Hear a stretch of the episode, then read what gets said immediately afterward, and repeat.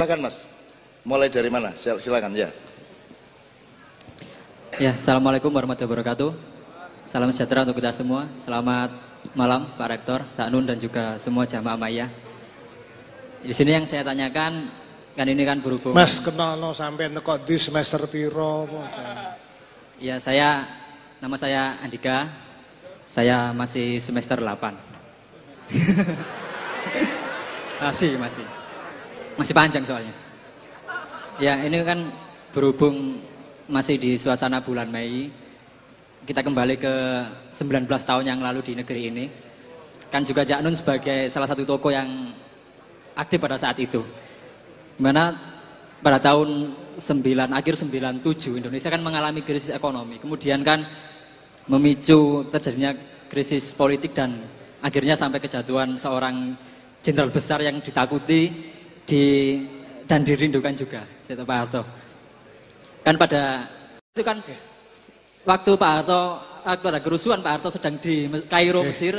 Nah, itu kan setelah kembali bertemu dengan 9 atau 10 begawan itu, 10 begawan. Nah, itu kan bisa Cak Nun menjelaskan gimana Oke. kronologinya seperti Eh, itu. Jurusanmu apa Mas? Sejarah, Pak. Oh sejarah. Ya. Ya. Pelajaran sejarah tadi kesruh yang ini gila. Eh Mas, Mas, siapa? Assalamualaikum warahmatullahi wabarakatuh. Warno. Kulo Najib saking ilmu sejarah UNER Oke, semester. semester 6. Oke. Selamat. Menika badhe tanglet Pak Rektor kali pendapat saking Cak Nun mengke anu apa? Kalau kita bayangkan kan apa kampus ini sebagai miniatur negara.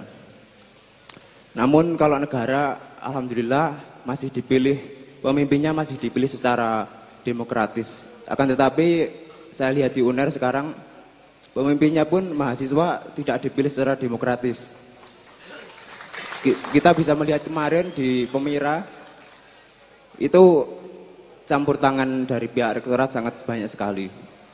Kemudian saya ingin menanya- menanyakan pada saat mahasiswa itu berdemo, Pak. Itu bagaimana apa pendapat rektorat atau mungkin Bapak rektorat cuma menganggap itu sekedar anak-anak yang bermain atau Bapak menganggap juga tuntutan-tuntutan anak-anak itu sebagai jeritan terdalam Oke. dari kita. Mak Sampur itu mawon. Oke, atur nuwun. Kadang sing kalah ya takok ngene iki pas pilihan.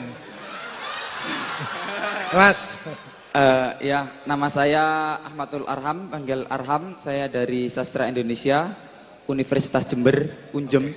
ya. Yang dari Jember, Unjem, nggak pakai utara.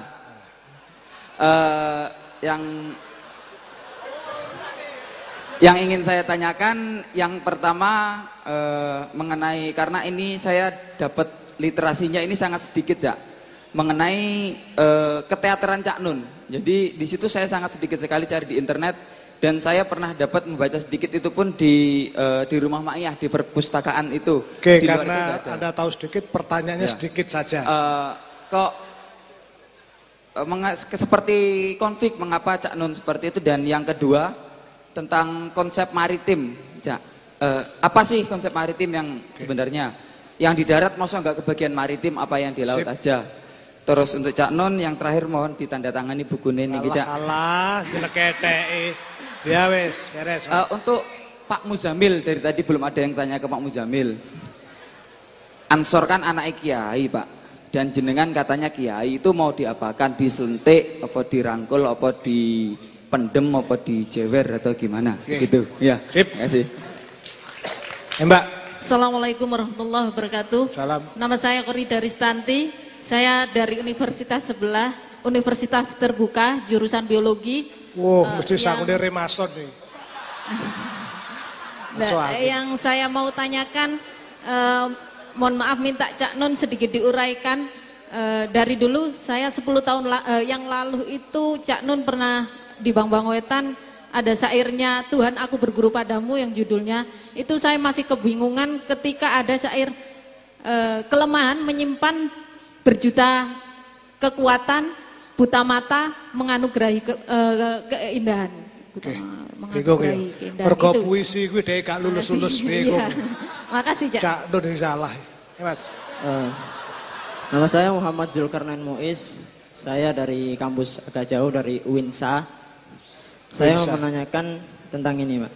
Pada saat Cak Nun membahas siapakah diri sampean sebenarnya, saya seperti bernostalgia kepada masa dulu. Guru saya juga bertanya seperti itu. Siapa sampean itu? Akhirnya saya mencoba mengambil kesimpulan. Apakah saya siswa? Saya tulis siswa, saya coret. Kamu manusia, saya coret. Apa kamu anak orang tua kamu, saya coret. Dan saya berkesimpulan satu hal. Saya bukan siapa-siapa dan saya bukan apa-apa. Lah saya bertanya seperti ini Cak Nun. Apakah kesimpulan Samia ini bagaimana menurut pandangan sampean? Itu pada titik benar dan salah, baik dan buruk, atau indah dan jorok? Itu aja. Ya wes, tak coret pertanyaanmu. tak coret ini sore maksudnya garis bawah. Mas. Ya, Assalamualaikum warahmatullahi wabarakatuh. Saya Panji dari Perikanan Kelautan UNER. Eh, ini saya mau tanya eh, kepada Cak Nun sendiri secara pribadi, apa yang membuat Cak Nun bertahan hingga sampai saat ini? Istilahnya kalau Cak Nun pernah bilang itu Nandur Satrio ya. Motivasi kuat apa yang mendasari Cak Nun bisa bertahan sampai saat ini? Karena menurut saya tidak mudah menjadi seorang Cak Nun. Mungkin Cak Nun bisa kasih resepnya supaya kelak calon-calon satria di sini bisa meniru minimal meneladani lah di eranya masing-masing nanti bisa seperti Ya, Cak Nun. sip. Nah, yang kedua, Yang kedua. eh, ini terkait mimpi ya.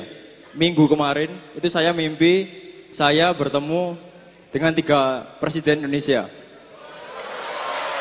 Ya, ada Pak Habibie, Gus Dur, sama Pak Soeharto. Po, main kartu. Oh enggak. Pada pakai jas keren-keren gitu, ganteng-ganteng gitu. Nah, beliau-beliau ini tersenyum pada saya. Namun di situ pada saat itu saya cuma salim pada Pak, pada Gus Dur, cuma pada Gus Dur. Ya seperti yang digambar-gambar ya. Kalau Gus Dur tertawa sepertinya seperti apa? Ya seperti itu saya melihatnya pada saat saya salim. Jadi saya menangkapnya eh, di era saat ini ya, pada saat ini kondisi Indonesia saat ini itu memerlukan orang-orang seperti Gus Dur. Ya itu yang saya tangkap dari mimpi, saya. Di sini saya tidak minta Cak Nun untuk menafsirkan mimpi saya atau seperti apa. Ya. Mas, itu mimpinya jam berapa? Wah, wah. Habis subuh. Habis subuh. Iya, Pak pasti. Allah, tiduran. bangkong jenenge. Eh mas, nggak ada no mimpi sampai. Satu lagi.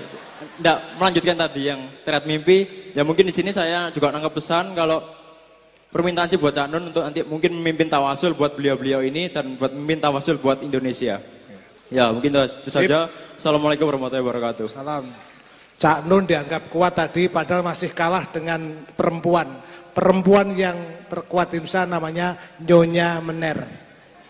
Berdiri sejak tahun 48. Watek terus. Mas, Assalamualaikum warahmatullahi wabarakatuh. Salam. Perkenalkan nama saya Abdul Rauf dari Sampang Madura. Mas Rauf, ye, Sampang. Yang ingin saya tanyakan eh, tentang sholat, adakah rahasia di balik lima waktu, di mana pada dasarnya kan menurut cerita di Isra Mi'raj itu kan 50. Terus ternyata ditawar dinyang dinyang mane gara-gara oleh hasut teko Nggih. Nabi Musa. Siap. Dinyang dadi limo tapi pahalane padha karo seket. Kok gak pitu apa sewelas ngono lho. Pomole aku siji malahan. Oke. Sebenarnya ada apa di balik Oke. lima Rahasia itu? itu ya. Oke. Dua, Pak. Dua. Yang satunya lagi, apakah kehidupan kita ini hanya benar-benar awalnya itu di sini atau berapa fase alam kehidupan yang akan kita lalui? Oke. Kene Itu rung selesai takok sok saiki takok di saiki rek. Sampai nonton toh ya, gak usah takok ya, wakeh iki. Masih, oke. Oke, Mas, monggo. No jamaah remuk kabeh. Assalamualaikum warahmatullahi wabarakatuh. Waalaikumsalam. Ngapunten Cak Nun, kula Darminto saking Malang. Cak derenge ngapunten, pertanyaan kula niki rada aneh. Lah wong aneh kok ditakok nih. Ado-ado saka Malang, dia dari Malang katanya, mohon maaf Cak Nun, pertanyaan saya agak aneh. Lah Cak Nun tuh dianggap orang aneh gitu loh.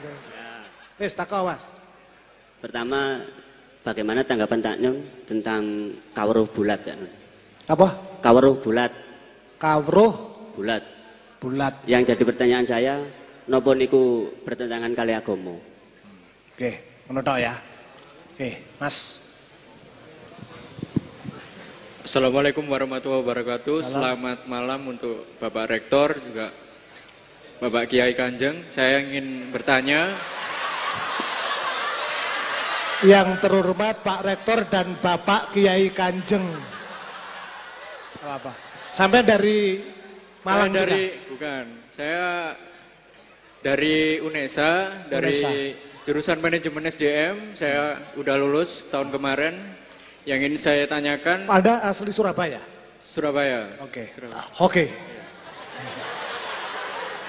Saya ingin bertanya pada Mbak Nun, eh, makna dari kalimat yang ditunggu-tunggu datangnya dari timur. Seperti itu. Ikut, Eh, Dok, ya? kar- iya, karena sebentar Pak Joko.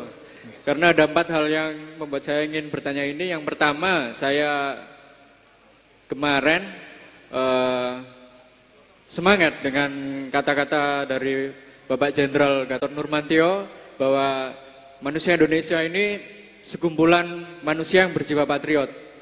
Yang kedua, eh, saya sangat nyaman tinggal di Surabaya karena ada wali yang dihormati dan disegani yaitu Kanjeng Sunan Ampel bahwa di Surabaya saya tidak pernah melihat kegaduhan atau huru hara.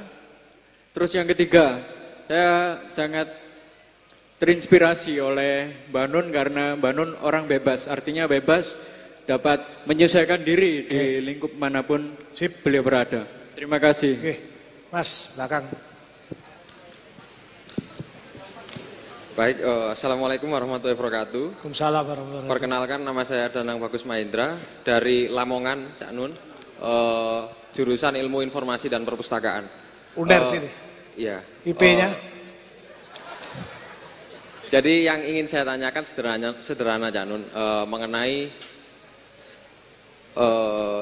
s- idealnya bagaimana kita sebagai mahasiswa ini eh, mensikapi politik, carut marut politik yang ada di Indonesia. Terlepas eh, saya sendiri sebagai manusia masih eh, sebagai mahasiswa masih eh, berhadapan pada suatu anomali ataupun kebingungan mengenai carut marut politik.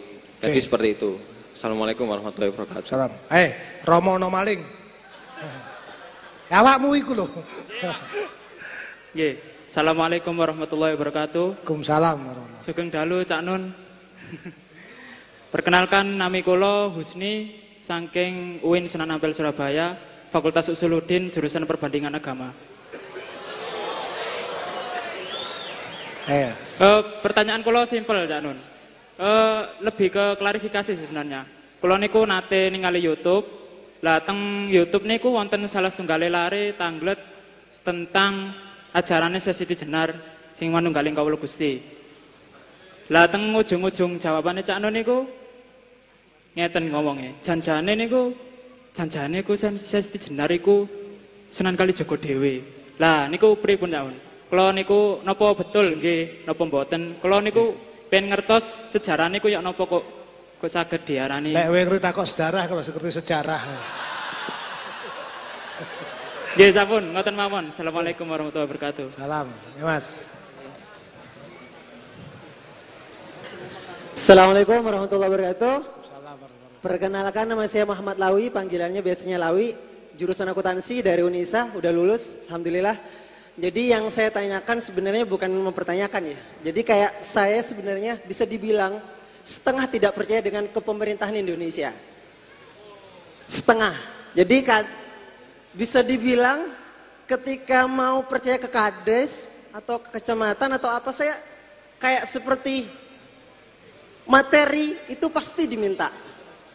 Jadi kalau saya berbicara di di pemerintahan Indonesia itu sebenarnya nggak butuh ada pemerintahan kayak gitu. Sekarang saya merasa nggak butuh. Oh, Indonesia Kecamatan, pemerintah juga nggak butuh sampean. Iya benar. Ah, Terus apa kira-kira kesannya Mas Lawi kira-kira? jadi eh, yang saya tanyakan ketika saya mempunyai kepercayaan seperti itu, tapi pada sisi lain saya cinta dengan budaya Indonesia, bukan cinta pada Sip, pemerintahannya. tepuk tangan. Jadi Anda cinta budaya Di Indonesia, Indonesia. tidak cinta pemerintahan. pemerintahannya. Tapi pada sisi lain ada beberapa kelompok dengan khilafah. Nah, dengan itu. Tapi saya tidak tidak suka dengan khilafah. Saya lebih suka memang budaya Indonesia kemusyara, kemusyawarakatan, persatuan Sip. Indonesia udah seperti itu. Oke. Jadi sudut Anda- pandang seperti itu gimana ketika pemerintah itu nggak but Oke. butuh ada pemerintah gitu. Terima Sip. kasih. Saya doakan Anda dapat mertua Bapak pemerintah. Assalamualaikum warahmatullahi wabarakatuh. Waalaikumsalam. Saya perkenalkan saya Siraj, saya dari salah satu SMA di Surabaya Cak Nun. Tadi Cak Nun sempat menyinggung soal keseimbangan. SMA Mas ya? Iya masih SMA. Kelas berapa? Kelas 1 sama kayak Mas Eno. Itu tuwek. Wajahnya dewasa maksud saya. Hmm. Ganteng. Tadi tadi Cak Nun sempat menyinggung soal keseimbangan. Dan Cak Nun pernah berkata bahwa di Maya di Maya sini itu kita itu belajar keseimbangan. Kita nggak terasa bahwa kita itu belajar keseimbangan. Dan Cak Nun berka- pernah berkata bahwa salah satu dari arti keseimbangan adalah ketika kita mengetahui kesehatan hidup dan bila ada suatu timbangan, ada titik A dan titik titik B, bila kita kasih beban yang sama, otomatis itu akan menjadi sebuah keseimbangan. Nah, yang saya tanyakan adalah apa ada sih? Kalau ada itu apa sih keimbangan sejati itu dan mengapa kok itu disebut keseimbangan sejati? Terima kasih. SMA kayak ngene uteke. Tepuk tangan. SMA. Mungkin karena karena dia sering ke UNER jadi pinter nih. Hubung Pak Rektor. Enggak Cak Dun. Saya minta mikrofonnya dikasih Mas Imam supaya saya bisa urut bismillah.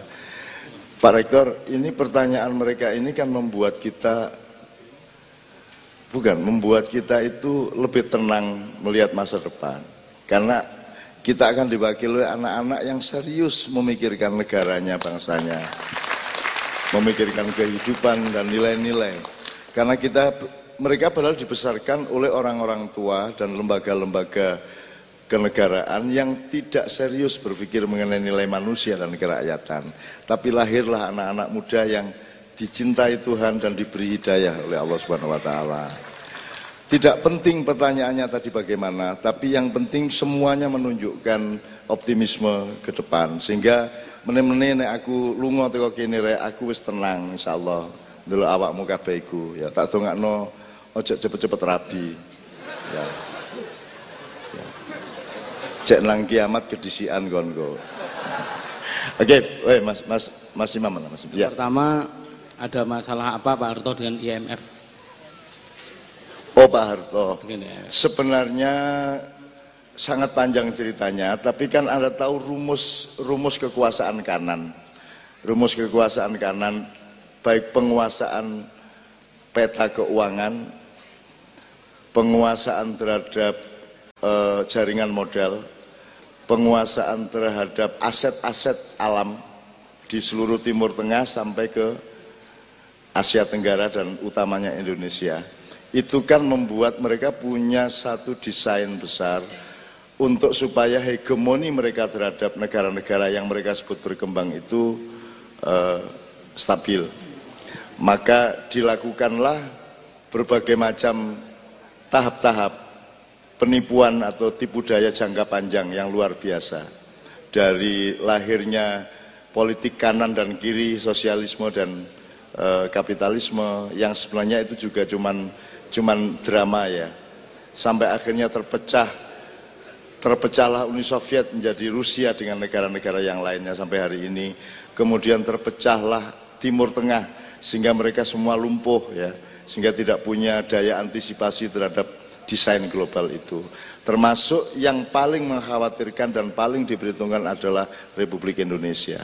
Karena Republik Indonesia punya kekuatan yang berlapis-lapis yang kalau pemerintahannya bisa diakalin dan bisa di, bisa di, bisa dikendalikan, belum tentu rakyatnya bisa. Nah, rumus yang mereka lakukan untuk Pak Harto adalah nek aku wis tahu ngomong biar ini Indonesia aku kata kuat secara ekonomi gak masalah asal ojo kupuluan. Dadi macan gak apa-apa tapi ojo dadi macan kupuluan.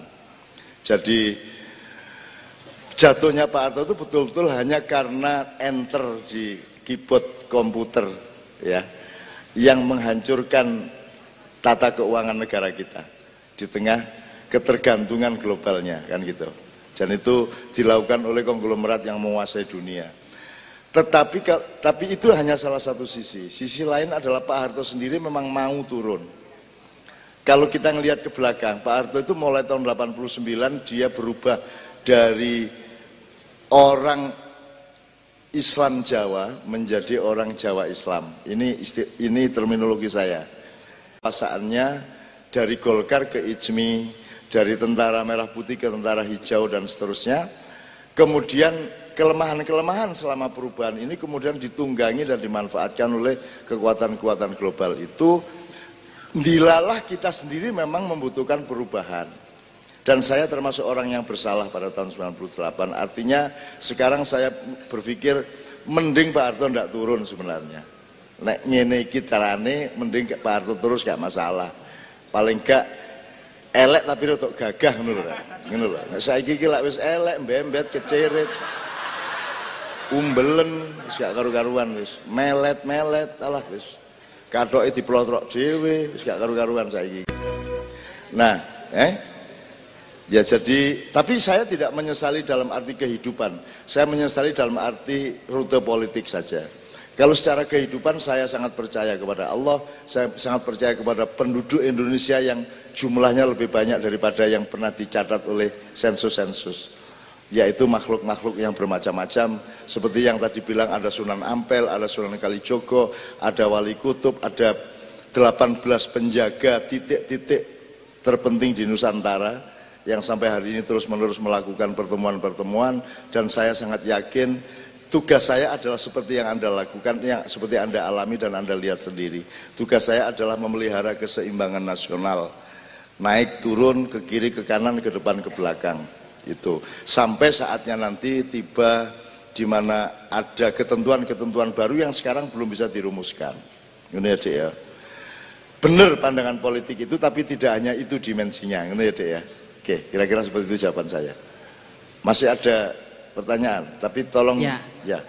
betul kan waktu 98 dulu Cak Nun ikut terlibat dalamnya kan.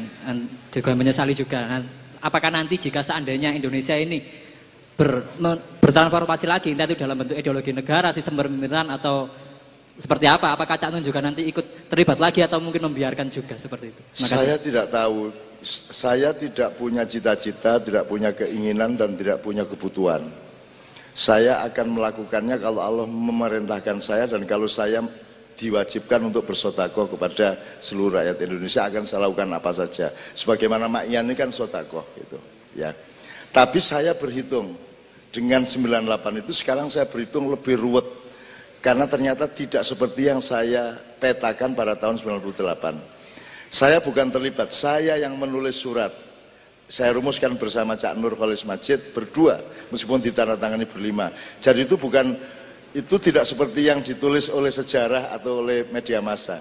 Itu bukan 10 orang, lima orang kirim surat ke Pak Harto supaya Pak Harto turun kita kasih empat cara atau alternatif. Pak silakan pilih salah satu kemudian kita kasih surat itu lewat Mensesnek terus malamnya Pak Harto telepon saya telepon Cak Nur dia mau turun dan seterusnya dan seterusnya.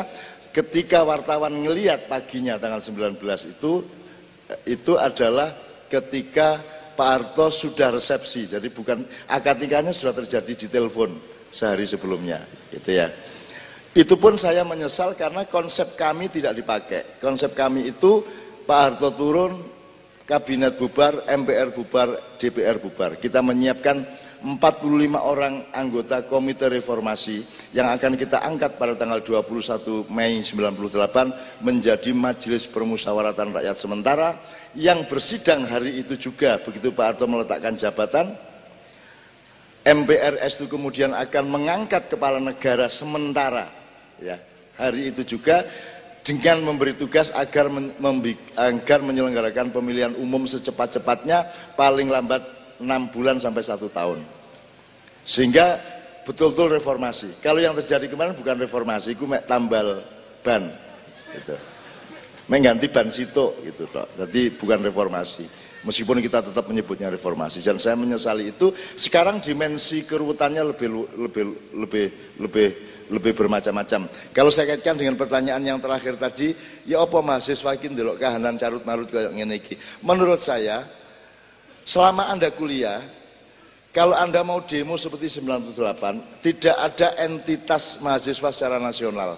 Jadi Anda tidak akan mampu mencapai itu dalam beberapa tahun. Karena tidak ada kekompakan dan kohesi kekuatan ke, kelima, ya, kekuatan kelima. Jadi mahasiswa itu kekuatan kelima, ketiga itu trias politika, empat itu pers, lima mahasiswa. Itu teorinya ya. Dan itu tidak bisa Anda capai karena karena saiki iki dewe-dewe uripe kabeh sehingga Anda tidak mungkin mencapai. Yang saya sarankan adalah pelajarilah dengan seutuhnya, selengkapnya, sebulat-bulatnya sebenarnya apa problem bangsa Indonesia itu. Jangan punya keinginan menjatuhkan presiden. Saya tidak setuju kepada kudeta, saya tidak setuju kepada peralihan kekuasaan. Kalau yang saya lakukan itu mengakibatkan presiden jatuh, tidak ada masalah. Ngerti ya maksudnya ya? Aku gak kepingin uang pegatan, tapi nek sing tak lakon iku nggarai dek pegatan urusane dek. Ngono rek. Beda ya Mas ya? Jadi aku gak kepingin soge, tapi mergo aku ki terus akhirnya kepeksa soge si apa meneh. Upamane lo ya, upamane lo ya. Jadi harap tahu beda antara tujuan dengan jalan. Gitu ya Dek ya? Oke, kira-kira gitu. Pasti tidak lengkap, tapi mudah-mudahan Anda terus pelajari. Itu Indonesia itu tidak hanya suksesi, Indonesia itu the whole thing, semua dimensinya. Sekarang itu kerusakannya sudah sampai cara berpikir, sudah sampai cara hidup, sudah sampai ngomong Tuhan aja material, ngomong surga pun material. Sudah kita ini sudah sakit luar biasa. Semalam di Padang Bulan saya simpulkan, Indonesia adalah pasien yang sangat sakit, hampir lumpuh. Tapi dia tidak tahu sakit apa sehingga dia tidak bisa milih dokternya yang mana. Dan puncak penyakitnya adalah bahwa dia tidak tahu bahwa dia sakit. Bisa angel banget itu bisa. Tetapi saya tidak khawatir. Karena kita tidak hidup sendirian. Kita tidak hanya manusia yang hidup di Indonesia. Indonesia ini adalah tempat yang diistimewakan oleh Allah Subhanahu wa taala. Dan saya bergaul dengan semua makhluk-makhluk itu. Nah aku tenang-tenang ya, gak, gak masalah. Yang penting awakmu seimbang uripmu, tangguh, hatimu jembar, pikiranmu cerdas, mentalmu tangguh dan wani menderita. Dan kalau kamu wani menderita tidak berarti Anda akan menderita. Iki loh salah ya arek Rumah samu nek kon wani melarat terus melarat. Gak. Justru mergo kon wani melarat terus gak melarat-melarat malahan. Ngono urip iku. Ngono rek. Nek kon wani ambil keputusan tidak berarti kamu akan menanggung resiko seperti yang kamu bayangkan enggak. Anggitmu Gusti Allah gak sayang awakmu ta. Kamu juga gak percaya karo Gusti Allah. Gitu loh. Begitu engkau setia kepada Allah, Allah akan memberi kelimpahan-kelimpahan kepadamu yang kamu tidak berani ngarani tapi akan mendapatkannya. Ngono rek ya. Oke ya, oke. Berikutnya, Mam. Uh, tentang pemilihan mahasiswa yang tidak demokratis. Ah, nanti biar biar beliau yang menjawab karena saya tidak tidak tahu persis masalahnya itu. Berikutnya, Mam. Uh, tentang konsep maritim. Uh, ya. Yang pertama mengenai keteateran Cak Nun di era 90-an itu saya sudah sedikit literasinya. Kemudian yang kedua tentang kemaritiman. Selama ini yang di Yang pertama Pak Cik? Tentang keteateran Cak Nun di era oh. nah, itu kan sedikit beritanya ya. Sangat sedikit ya. Saya menulis sekian atau beberapa uh, play script ya naskah drama tapi tidak banyak dan saya bukan aktivis drama benar-benar saya itu biar aku ngewang-ngewangi deh Kayak ngene iki kayak pengajian jan aku juga pengajian mek ngewangi. Lah gak sing nyurung terke ya tak surung mek ngono tok. Tapi ojo diarani aku iki ngene. Iki terke gak sing nyetir tak setir, ojo, tapi ojo diarani aku supir truk. Jelas ya, ya? Ngerti ya? Misalnya beliau ketemu saya tak pijeti, ya. Prakteknya jan aku mijeti, tapi ojo ngarani aku tukang pijet kok ore. Aku iki mek sayang. Boleh nggak hidup seperti itu? Yang penting kan apa yang Anda lakukan bukan siapa kamu dan apa identitasmu. Yang penting apa yang kamu lakukan. Dan saya percaya betul kepada nikmatnya melakukan sesuatu itu. Ya, tanpa identitas, tanpa diakui tidak diakui tidak masalah. Tadi malam di Padang Bulan saya bilang, rek awakmu iku woe, kembange, godonge, pange, wite, aku oyote ae. Oyot gak ketok gak masalah. Tapi kon ojo adik apa jenenge macam-macam karo oyot. Soalnya nek, nek oyote engko rada ya apa ya apa wae ya terus mate. Lanjut ngene mboten. Dan tapi oyot kudu ikhlas, oyot itu gak ketok, oyot masuk ngetok-ngetok rek. Masuk oyot mendukur-mendukur ngene ya oyot itu ya menisor kan gitu. Gitu ya, Dik ya. Jadi soal teater saya mohon maaf, memang saya bukan aktivis benar, tapi ini sebentar lagi teman-teman kayaknya akan menyelenggara akan bikin pentas perahu retak yang dulu pernah saya pentaskan tahun 80-an akhir. 90-an yang menjadi Syekh Jangkung ini Pak Joko Kamto ini. Syekh Jangkung itu sekarang kuburannya di daerah Pati sana. Ini semua pemain-pemainnya juga yang di belakang saya ini gitu dan seterusnya. Terus yang kedua maritim. Saya bukan ahli maritim dan juga bukan ahli pemerintahan. Saya itu punya kewajiban untuk mengingatkan bahwa Indonesia itu sebuah komposisi, sebuah entitas yang bisa bermakna nasionalisme batin, bisa bermakna ekonomi dan strategi sejarah. Bahwa Indonesia itu negara maritim kalau melihat pemetaannya itu ya negara maritim. Jadi cara berpikir kita, orientasi pembangunan kita, struktur apa namanya, struktur berpikir untuk uh, untuk menjadikan rakyatnya juga menurut saya harus dengan memasukkan bahwa kesadaran maritim itu primer. Sebagaimana dulu Mojopahit dan Demak gitu loh maksud saya. Ini ya dek ya. Mohon maaf kalau tidak puas. Maksudnya akhirnya kesadarannya yang gimana gitu loh cak ya kan belum Lek upama kon presiden langsung tak kandani. Lah presidennya gak takon ya. Gak ono sing takon. Ono 212 ya gak takon. Ono iki gak takon. Ya apa lah nek gak takon masa aku ngandani. Anda harap Anda harap ingat ya bahwa Rasulullah itu tidak pernah ceramah. Rasulullah itu hanya merespon. Nek ono wong takon dijawab. Nek ono apa-apa dhek merasa dikongkon Gusti Allah terus dhek ngandani. Tapi gak tahu ceramah ngono gak tahu deh. Nah saya itu yang duwe rasa pekewuh ngono iku. Aku sering diwawancari wartawan, cak apa pendapat sampean tentang ini ini. Lho sing bersangkutan gak takon aku, kok takon aku. Wong gak melok, wong gak melok masalah kok. Masa ono artis pegatan takon aku. Wong sing pegatan iku gak takon aku adane wartawane takon aku. Arek-arek iku ya aneh saiki iki. Pegatan sing disalahno Gusti Allah pisan. Ya saya sih maunya terus tapi ya Allah menentukan lain ngono. Gusti Allah Loh, siapa ngomong imam? Lu aku gak melo-melo ini. Enak, eh. yang di atas, yang di atas berkehendak lain ngono arek-arek iku. Gusti Allah iku enak-enak ngletak ngono ya. Kuaget jingkat, sapa ngomong mang? Lho kapan aku ngomong pegatan iku ngono. Wis menungso iki ya Allah, ya Allah. Oke, berikutnya, Mam. Tentang anu syair lagu berguru kelemahan menyimpan berlimpah kekuatan. Oh iya, itu namanya dialektika, Dek. Uh, gini, contohnya ini wis. Upama gak ono londo ke sini VOC terus kerajaan Belanda, kita merdeka ndak? Ndak kan? Nah, kemarin di Padang Bulan saya bercerita seorang lelaki penjual apa jenenge? Apa itu jenis SDSB apa itu jenis togel. Uang muda akhirnya dia melacur. Ketika dia melacur tidur di tempat pelacur itu pada malam hari jam luru kaget dia tangi ternyata si pelacurnya yang dia barusan tidur itu wis nganggu mukena dan ngaji. Jadi wis, wis adus wis segala macam wis jinabat ngaji. Dan dia terus bingung loh duh ngaji hari ini pinter ngaji gitu kan akhirnya dia terus melok wudhu terus sembahyang Terus nakoni arek sing ngaji pelacur ini. Terus ternyata pelacur ini ditanya kenapa sampai dia melacur? Karena ternyata dia itu ingin membayar hutangnya bapaknya yang kena rentenir. Sampai lemai sertifikat apa omai barang hilang gara-gara kena rentenir itu. Nah, dia melacur itu untuk menyim, untuk nyelengi duit ya iso bayari E. Terus akhirnya arek lanangi terharu, upomo aku ndolek duit tak gawe bayari bapakmu iku kon gelem metu to kene tak gak? Gelem. Pokoknya singkat kata anak ini kemudian dibayari oleh si laki-laki itu untuk akhirnya dia keluar dari pelacuran dan sekarang di pesantren, di salah satu pesantren di Jombang.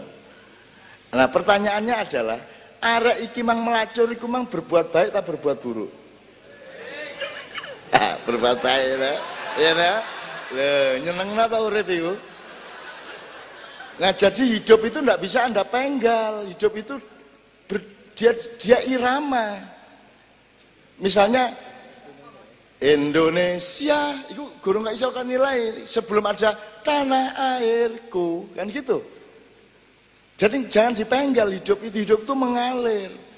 Nah ilmu-ilmu yang kita dapatkan di dunia modern itu sering kali bertengkar karena penggalan penggalan penggalan penggalan penggalan. Termasuk video nih penggalan kalimatnya penggalan. Ono saya anti demokrasi oleh Manu Najib Balku tulisanku tahun 1996 sudah berapa tahun? 19 tahun yang lalu ya. Tapi seolah-olah aku nulis wingi sore. Nguniku ya itu penggalan-penggalan deh jadi jadi ngerti ya? Mari kita selapang-lapangnya. Mari kita melapangkan hati seluas waktu sepanjang waktu dan seluas ruang loh kira-kira. Dan kita lebih besar dari ruang dan waktu karena kita adalah aksani takwim. Ngono ya? Oke berikutnya mam. Kesimpulan bukan siapa-siapa dan bukan apa-apanya saya itu menurut pertimbangan Cak Nun bagaimana? Bukan penggalan. Kau nak duduk sapa-sapa teman lah kon takon barang. Nah, itu bagus deh untuk momentum tertentu asalkan kesadaran itu membuat Anda menjadi mengerti yang lebih sejati dari dirimu. Kan gak penting kon lanang ta wedok, sing penting kon wong gitu ya. Gak penting kau anak isopo, yang penting Allah mentakdir kamu untuk lahir dan berbuat sesuatu. Tidak penting kamu sarjana itu, bukan yang penting perbuatanmu kepada masyarakat kan begitu. Asal itu melahirkan perbaikan-perbaikan pada hidupmu, menambah manfaatkan hidupmu, maka kesadaran itu menjadi sangat penting. Jadi aku seneng awakmu duwe, duwe kontemplasi, tafakur seperti itu, tapi tolong bersikap dinamis ya, bersikap dinamis. Yang penting bersikap dinamis. Aku itu ya tahu ngono aku zaman SMA aku tahu nantang Gusti Allah barang. Gusti Allah ya aku gelem di takdirno iki mbok matur nuwun karo aku. Aku tahu ngomong ngono lho. Zaman SMA aku gendeng aku biyen. Sing kudu matur nuwun Gusti Allah. Ngono, tahu ngomong ngono aku. Bayang nek aku gak gelem ditakdirno, ngono kita, ngono gayane. Kemuanya dijundu karo guruku taek kan iki. Eh? Gak, ini aku tak jundu kan. Itu rakyat, itu biasa proses, ojo muring-muring. Ono meneh, kalau memang Allah Maha Kuasa, bisakah dia menciptakan Allah yang lain yang dia tidak bisa mengalahkannya? Gitu. Bola kayak logis-logis itu kan tidak kuatnya logika manusia menggambarkan Allah kan gitu sehingga lucu kan akhirnya logikanya kan gitu Iku podo karo semut nengguluk eh, nengguluk gunung lah ngono gak iso gitu. Gitu ya dek ya. Selamat untuk kesadaran anda dan tolong KTP-nya diisi. Nama bukan siapa-siapa. Pekerjaan bukan apa-apa ya. Rabi saonoe ya. Wedus-wedus dipupuri bedas-bedas dikelambeni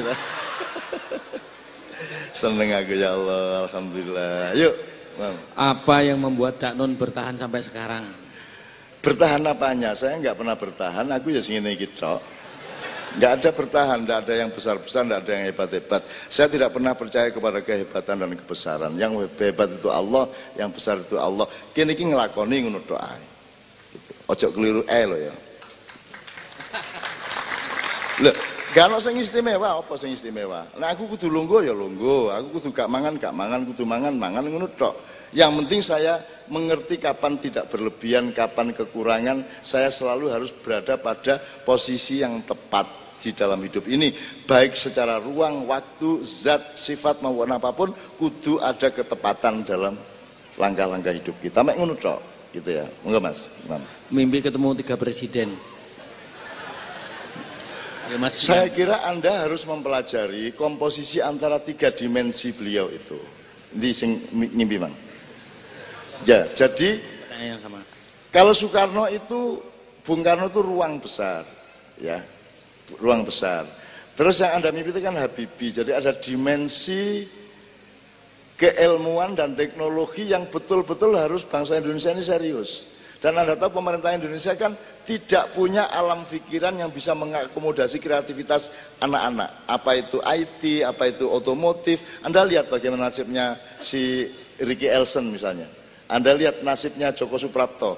Anda lihat nasibnya anak-anak kita yang juara olimpiade matematika, biologi, semua nggak ada terusnya. Karena pemerintah kita tidak punya infrastruktur pemikiran untuk menampung apalagi memupuk dan mengembangkan mereka. Jadi menurut saya itu dimensinya penting. Satu dimensi Habibie, nomor dua dimensi Gus Dur dan Pak Harto. Pak Harto itu cagae. Gus Dur itu taline. Sing pelayan donor ini tapi tetap anak cagae. Gitu kan? Cagae meneng ketoke tapi lah anak taline. Nah, Habibi yang nentokno nang dia Gus Dur iku melayune lak ngono.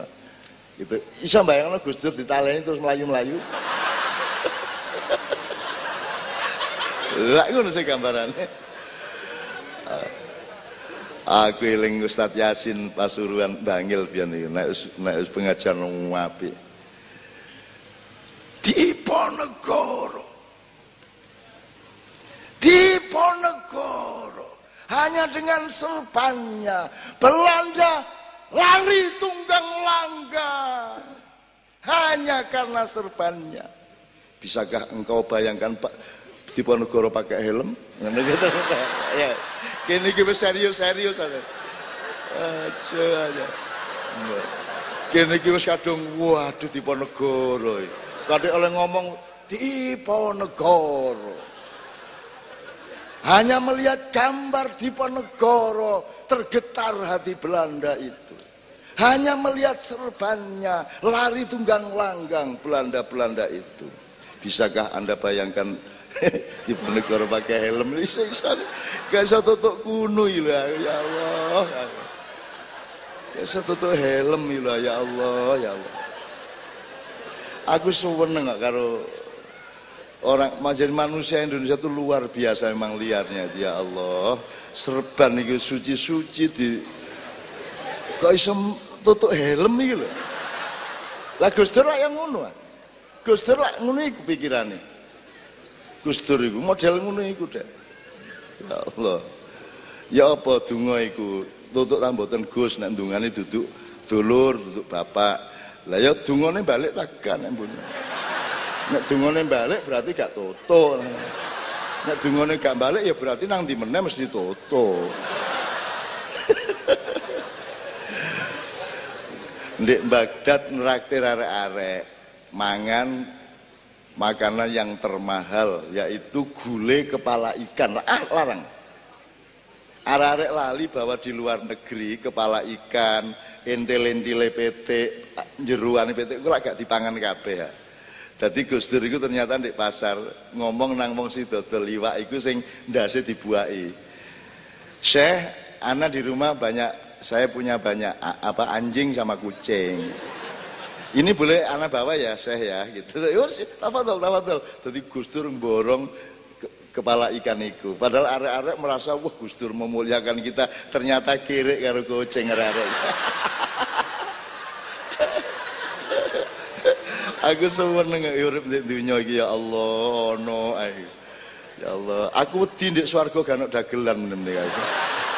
Lah terus ya apa? Masa ndek gak guyu ya? Ndek swarga meneng ngono. Sembayang wis gak enak ya kudu guyon pol ya. Kudu guyon sampai ndelosor-ndelosor ya. Ya tak gare. Nggih ta mboten? Iyalah ya apa. Mosok kaya Suasana di kota santri. Pokoknya sak kutha isine santri kabeh. Lah terus sing dodol sego sapa? Sak kutha kok isine santri karo ulama. Penuh ulama dan kiai siang sore mengaji. Lah kapan nandure? kapan ngliwete kok ngaji ya kabeh. Ya apa seimajinasine wong Islam iku? Masa ana kota santri penggaweane ngaji, sembayang ngaji, sembayang ngaji, sembayang. Terus oleh mancing kapan? Oleh codek geni kapan ya apa arek iku. Ini loh tanda ketidakutuhan ya Seno, tanda ketidakutuhan. Kita selalu terpaku pada satu segmen. Kita tidak pernah punya imajinasi utuh menyeluruh kebulatan dari kehidupan. Ngono ya rek ya. Oke, tak dongakno kono oleh apa? Sing pokoke sing akeh mangan kepala ikan ya. Cek dadi kerek karo kucing kan. Adakah rahasia di balik lima waktu sholat? Itu semua itu semua ijtihad, itu semua ujian, itu semua pemaknaan dan kenikmatan. Tidak ada yang objektif. Yang tahu persis Allah. Angka lima juga istimewa, papat yo istimewa, pitu yo istimewa, songo yo istimewa, kabeh ono songolas yo istimewa, pitulas yo istimewa. Siji yo istimewa ya tak Siji ku kul Allahu akad istimewa. Allah dan Rasulullah piro loro. Jadi tidak ada yang tidak istimewa. Ada apa rasanya? Yo dolek ono dewe gai-gain dewe. Kok mosok ngono tergantung aku. Aku yang memaknai macam-macam, ya aku macam-macam ngomong. Ya aku kan blembeng, rek. blembeng lah mesti limo. Blembeng wolo barang limo. Sedulur limo, eh, sedulur papat limo pancer iku khalifah papat dan pancere Kanjeng Nabi dhewe. Iso ae ngono-ngono iku. Iku sak karep-karepmu oleh memaknai. Maksudnya lima itu rahasianya adalah drijimu iku limo. Itu ya rahasia. Gelem ditambahi. Eh? Lah iya dirijimu lima dirijian itu kan sebuah pola untuk ketangguhan jadi iki tiga lima iki, iki masing-masing gak bisa dibanding no rek ono lagu Jawa itu sing apa itu sing apa ono sing lagu gelut antara ini diriji gitu aku lali aku ono lagu Jawa yang yang menyadarkan betapa lima ini sebuah kesatuan jadi maknanya wakil deh. Sakarmu gak ya dewe, kaya aku gak gak ngono lho. Sing penting dadekno awakmu luwih apik, luwih seger, luwih nikmat. Ngono ya. Oke, rahasia lima kok ditakokno. Wong rahasia iku sing enak iku aja ditakokno, cake rahasia. Rahasia kok ditakokno duduk rahasia meneh. Wong wong wedok iku indah mergo ditutupi. Seweneng kok. Wah. mau siap-siap ya apa meneh apa meneh mulane aja sampai dodot ira dodot ira kumitir bedah ing pinggir kaya lion Erika wis tutuk ni soroke tapi kira bedah mbok mbok nek melaku iki sir sir iso gawe wiritan niku subhanallah subhanallah subhanallah alhamdulillah alhamdulillah lah lah lah lho kan Aku takon, nek hasilnya wiritan berarti api telek iku man. Mudah-mudahan dadi api to bapak to. Sing penting aku hasilnya wiritan no. Ayo, ayo muda kene tak gawe wiritan. Gandul, gandul. Subhanallah. Allah. Allahu Akbar. Allahu Akbar. Allahu Akbar. Wong urip nikmate kaya ngene lho kok gelut arek-arek iki ya Allah, ya Allah, aho aho apa ngono. Apa gelut ae ngono iku ya Allah, ya Allah. Kene iki gak sida dadi gak, gak sida karo Cina, berubah dadi karo Arab. Padha ae. Padha ae Jawane endi ya wis gak apa-apa, tapi yo gak sambatan rek aku mek kudu guyu mek ngono. Uh, pertanyaan dari Mas itu kawruh berat Bulat apa berat? Bulat. Kalau setahu saya ide dasarnya Allah itu bulatan dan lingkaran. Apa saja. Sampai tawaf itu yang mubeng gitu. Revolusi teknologi terbesar adalah revolusi roda. Wis saiki kan tolakan kebulatan wis saya. Misalnya awakmu supaya tahu rahasia bulat, tolalah yang bulat-bulat.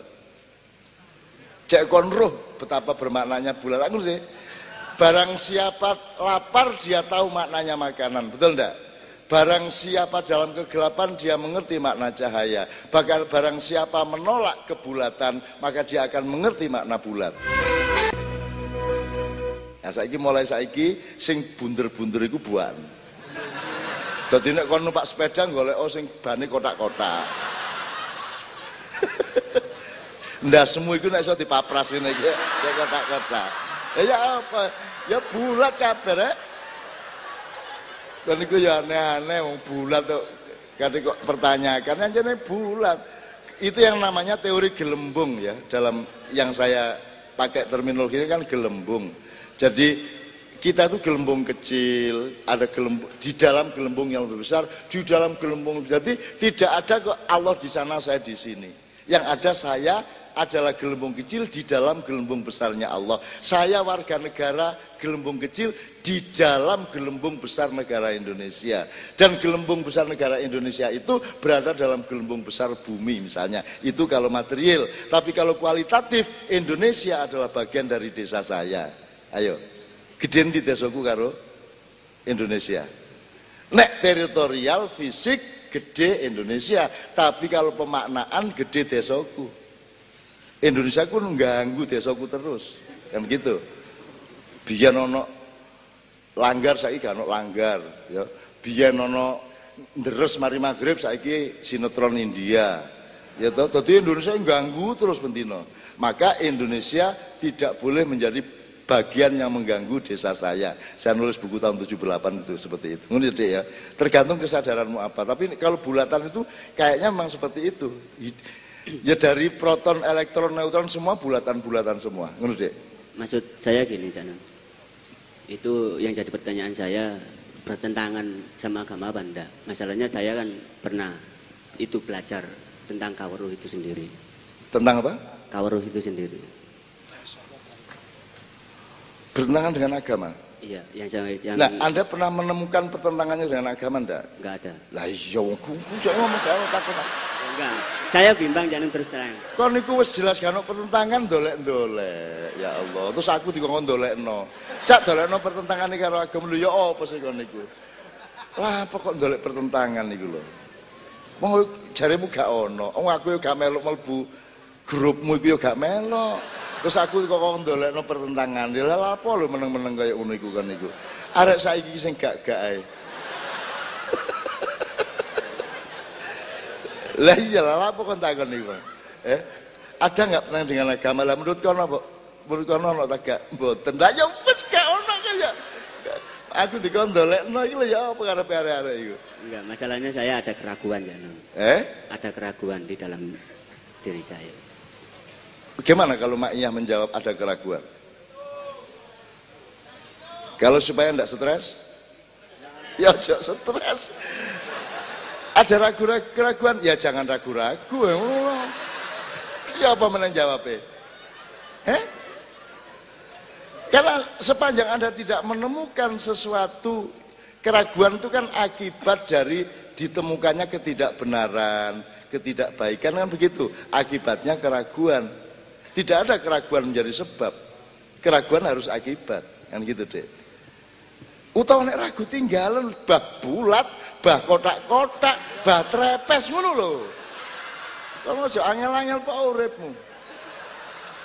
Engkau kan tengah-tengah nyambut gawe mikir. Iki bulat agak sih jane.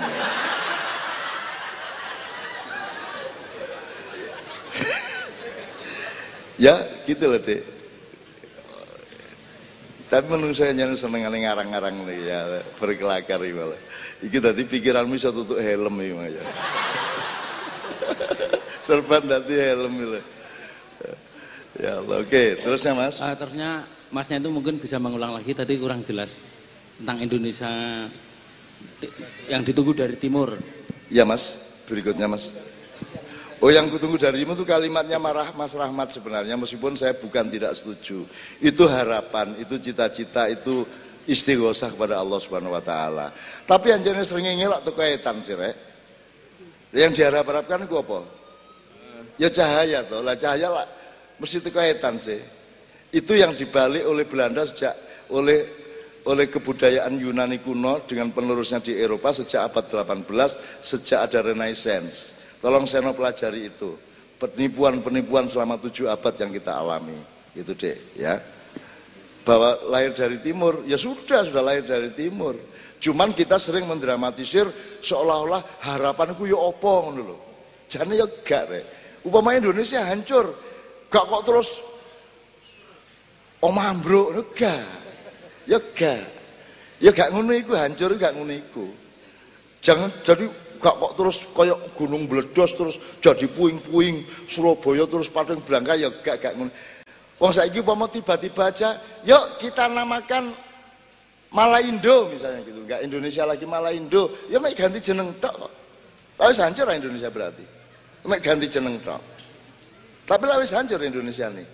Gitu loh. Jadi kehancuran itu ya jangan ditakut-takuti amat dan keharapan juga jangan di gede-gede no amat. Mbok wis biasa-biasa ya urip. Ya ngono iki lah urip ya mek ngono iku. Mangan mangan ya mek ngono iku to. Kon mangan gule enak gule tapi nek kon mangan gule terus ya gak enak suwe-suwe. Gitu loh. Ya wis lah. Hidup sak madya apa anane sak ya wis. Ya mek ngono iku tok lah. Wis kaya kon rabi wis ngono iku tok lah paling mari ngono kok dilungkas njaluk meneh nah. Wis mari ngono eh, ternyata mari njaluk eh lah ya mek ngene tok. Ngene ngono. Memang hanya begitu. Selama hidup di dunia tidak ada yang sejati, tapi kita terus mencari yang sejati. Ngene ya, Dik ya. Cek muring-muring ya. Kan tak cak guyon ngene iku kan juga nemen-nemen seremu kan. Engko kon nang dindi. Apa iku maksud pertanyaan ini? Sampai lali aku. Ngapunten Cak Nun, uh, Pertanyaannya tadi makna dari kalimat yang ditunggu-tunggu itu datangnya dari timur. Nah, maksud saya di sini apakah uh, ke depannya entah 20 tahun kemudian atau 30 tahun kemudian Lah, generasi iya, kaula muda yang saat ini biasa itu, nang warung sih. Di warung kula tulisan hari ini bayar besok gratis. Mana gak sama hari ini bayar besok gratis iku dipasang terus terus kon meniru nu meneh gratis tak bayar ayo wong wong gratis meneh kok.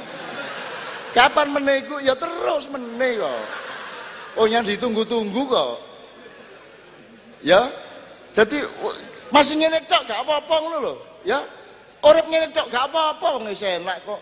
Terus alhamdulillah kok kurang ngopo Gak ono sak dunya wong sampai jam siji bengi guyu cekakaan bahagia dalam kebaikan. Di seluruh dunia hanya ada di sini. Harapan sing kaya apa? Ya ngene iki ya wis harapan. Aku wis alhamdulillah wis gak karu-karuan. Niru mbah-mbahmu biyen. Gitu loh. Numpak truk nunut truk soalnya ono kecelakaan ono ono ono layatan di kono kan bis sentek sepur entek nunut truk jatak treke kait rong kilo meledos bane. Supire alhamdulillah. Lu kok alhamdulillah sampai kula niki kesusu? Langgen niki bane tunggal sing meledos timbangane loro. Semari ngono ganti meneh terus meneh oleh limang kilo meledos meneh. Alhamdulillah. Lu kok alhamdulillah malih? Lah timbangane kabeh sing meledos mek loro niki. So, terus meneh dua dak jebol AC. Gak iso mlaku. Alhamdulillah cari supir. Niki kula telat niki Pak. Sampean alhamdulillah terus mungkin kula todok sampean lho timbangane geger sampean sing pedot lah anu AC truk. Ngono lho ya. Sing bersyukur ae ya. Ngono. Gak harapan, gak apa-apa, gak padean, gak harapan-harapan. Ngono ruwet banget. Apa? Aku wis pengalaman urip, aku wis gak gelem kapusan ngono-ngono iku. Alah semono iku lah. Sing penting kita mampu menikmati hidup ini, kita mampu menemukan Allah di setiap detik dari hidup kita, maka semua yang lain kalah. Ngono ya. Tapi aku senang dengan semangatmu mengharapkan yang ditunggu-tunggu datang dari timur gitu ya. Dan angger awakmu saiki eling kalimat itu ilingo warung kalimatnya hari ini bayar besok gratis. Yes mesem dhewe iya ya meneh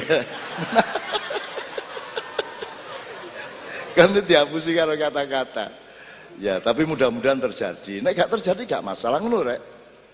Sungguh-sungguh ndak ingin sungguh-sungguh. Tapi nek gak kita ya gak apa-apa. Sing gagah ya. Sing gagah. Urip sing gagah. Gagah itu tidak kepada Allah gagahnya, gagah kepada diri kita sendiri. Kita tidak akan ditindas oleh impian-impian yang tidak-tidak. Ojo kadek Gantungkan cita-citamu setinggi langit. Delosor temen kan kok. Wong kono gak cantolane, gak kawat, gak sembara. Langit digantungkan ya apa carane? Bung Karno ya aneh-aneh Bung Karno itu. Nek terbangkan sih rumah digantungkan ya. Lah ten putih gantungane mboten enten. Oke teman-teman maknya rasional tapi tetap tangguh dan berani hidup tidak takut mati kan gitu kan takut mati jangan hidup, takut hidup, mati saja. Ngono, demikianlah gontor. Ngono. Masih aku diusir, tetap tak ubi. Terakhir, Mam. Oh, masih ada tiga. Bagaimana mensikapi situasi politik di Indonesia? Mam mahasiswa tadi, sudah tadi sudah saya jawab. Nah, kemudian Syekh Siti Jenar, Sunan Kalijaga. Ngene lho, padha gak ruwe rek.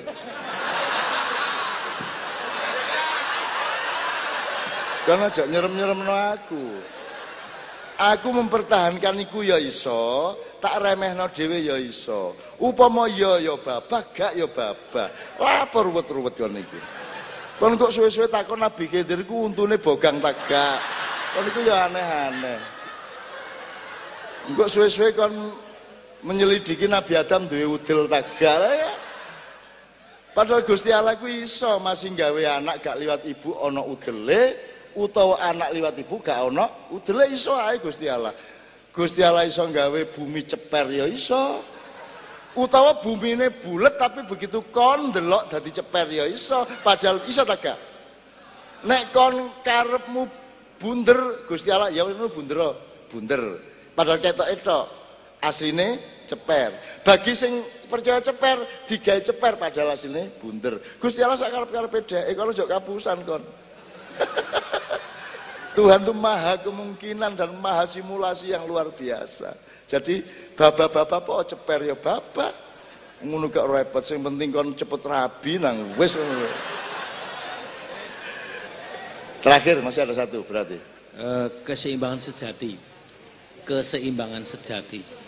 Keseimbangan, keseimbangan ini berlapis-lapis ya. Jadi setiap komponen itu sendiri harus seimbang, antar komponen harus seimbang, komprehensinya juga harus seimbang.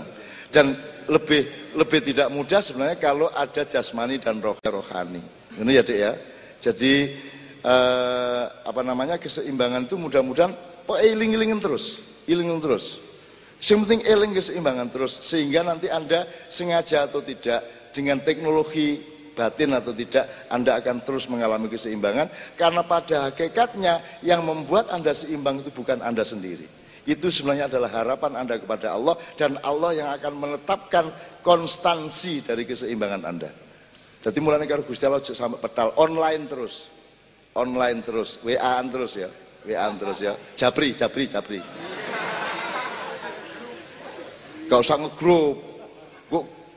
Gawe grup WA karo Gusti Allah, karo iblis, karo terus kok gelut Gusti Allah musuh iblis. Gak usah WA-WAan. Terus kok gawe blok karo Gusti Allah wong loro. Gak, ya gak usah ya. Pokoknya pokoknya hati terus menerus. Jangan tidak menemukan Allah di setiap detik, di setiap pengalaman, dan jangan tidak menemukan Allah di setiap penglihatan, pendengaran, perasaan, dan apa pun saja.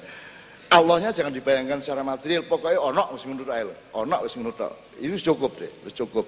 Gusti Allah wis seneng iku, wis seneng dan kon disenengno teman-teman kok, ber, berlimpah-limpah karena engkau selalu online dengan Allah Subhanahu wa taala. Jangan khawatir kalau ada orang menjati kamu, Allah yang tidak terima.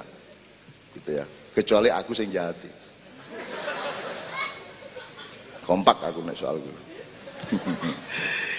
Oke, sudah jam 1 lewat 10. Pak Rektor nyuwun sewu yang soal pemilihan tidak demokratis tadi sampai jawab saya seneng Kalau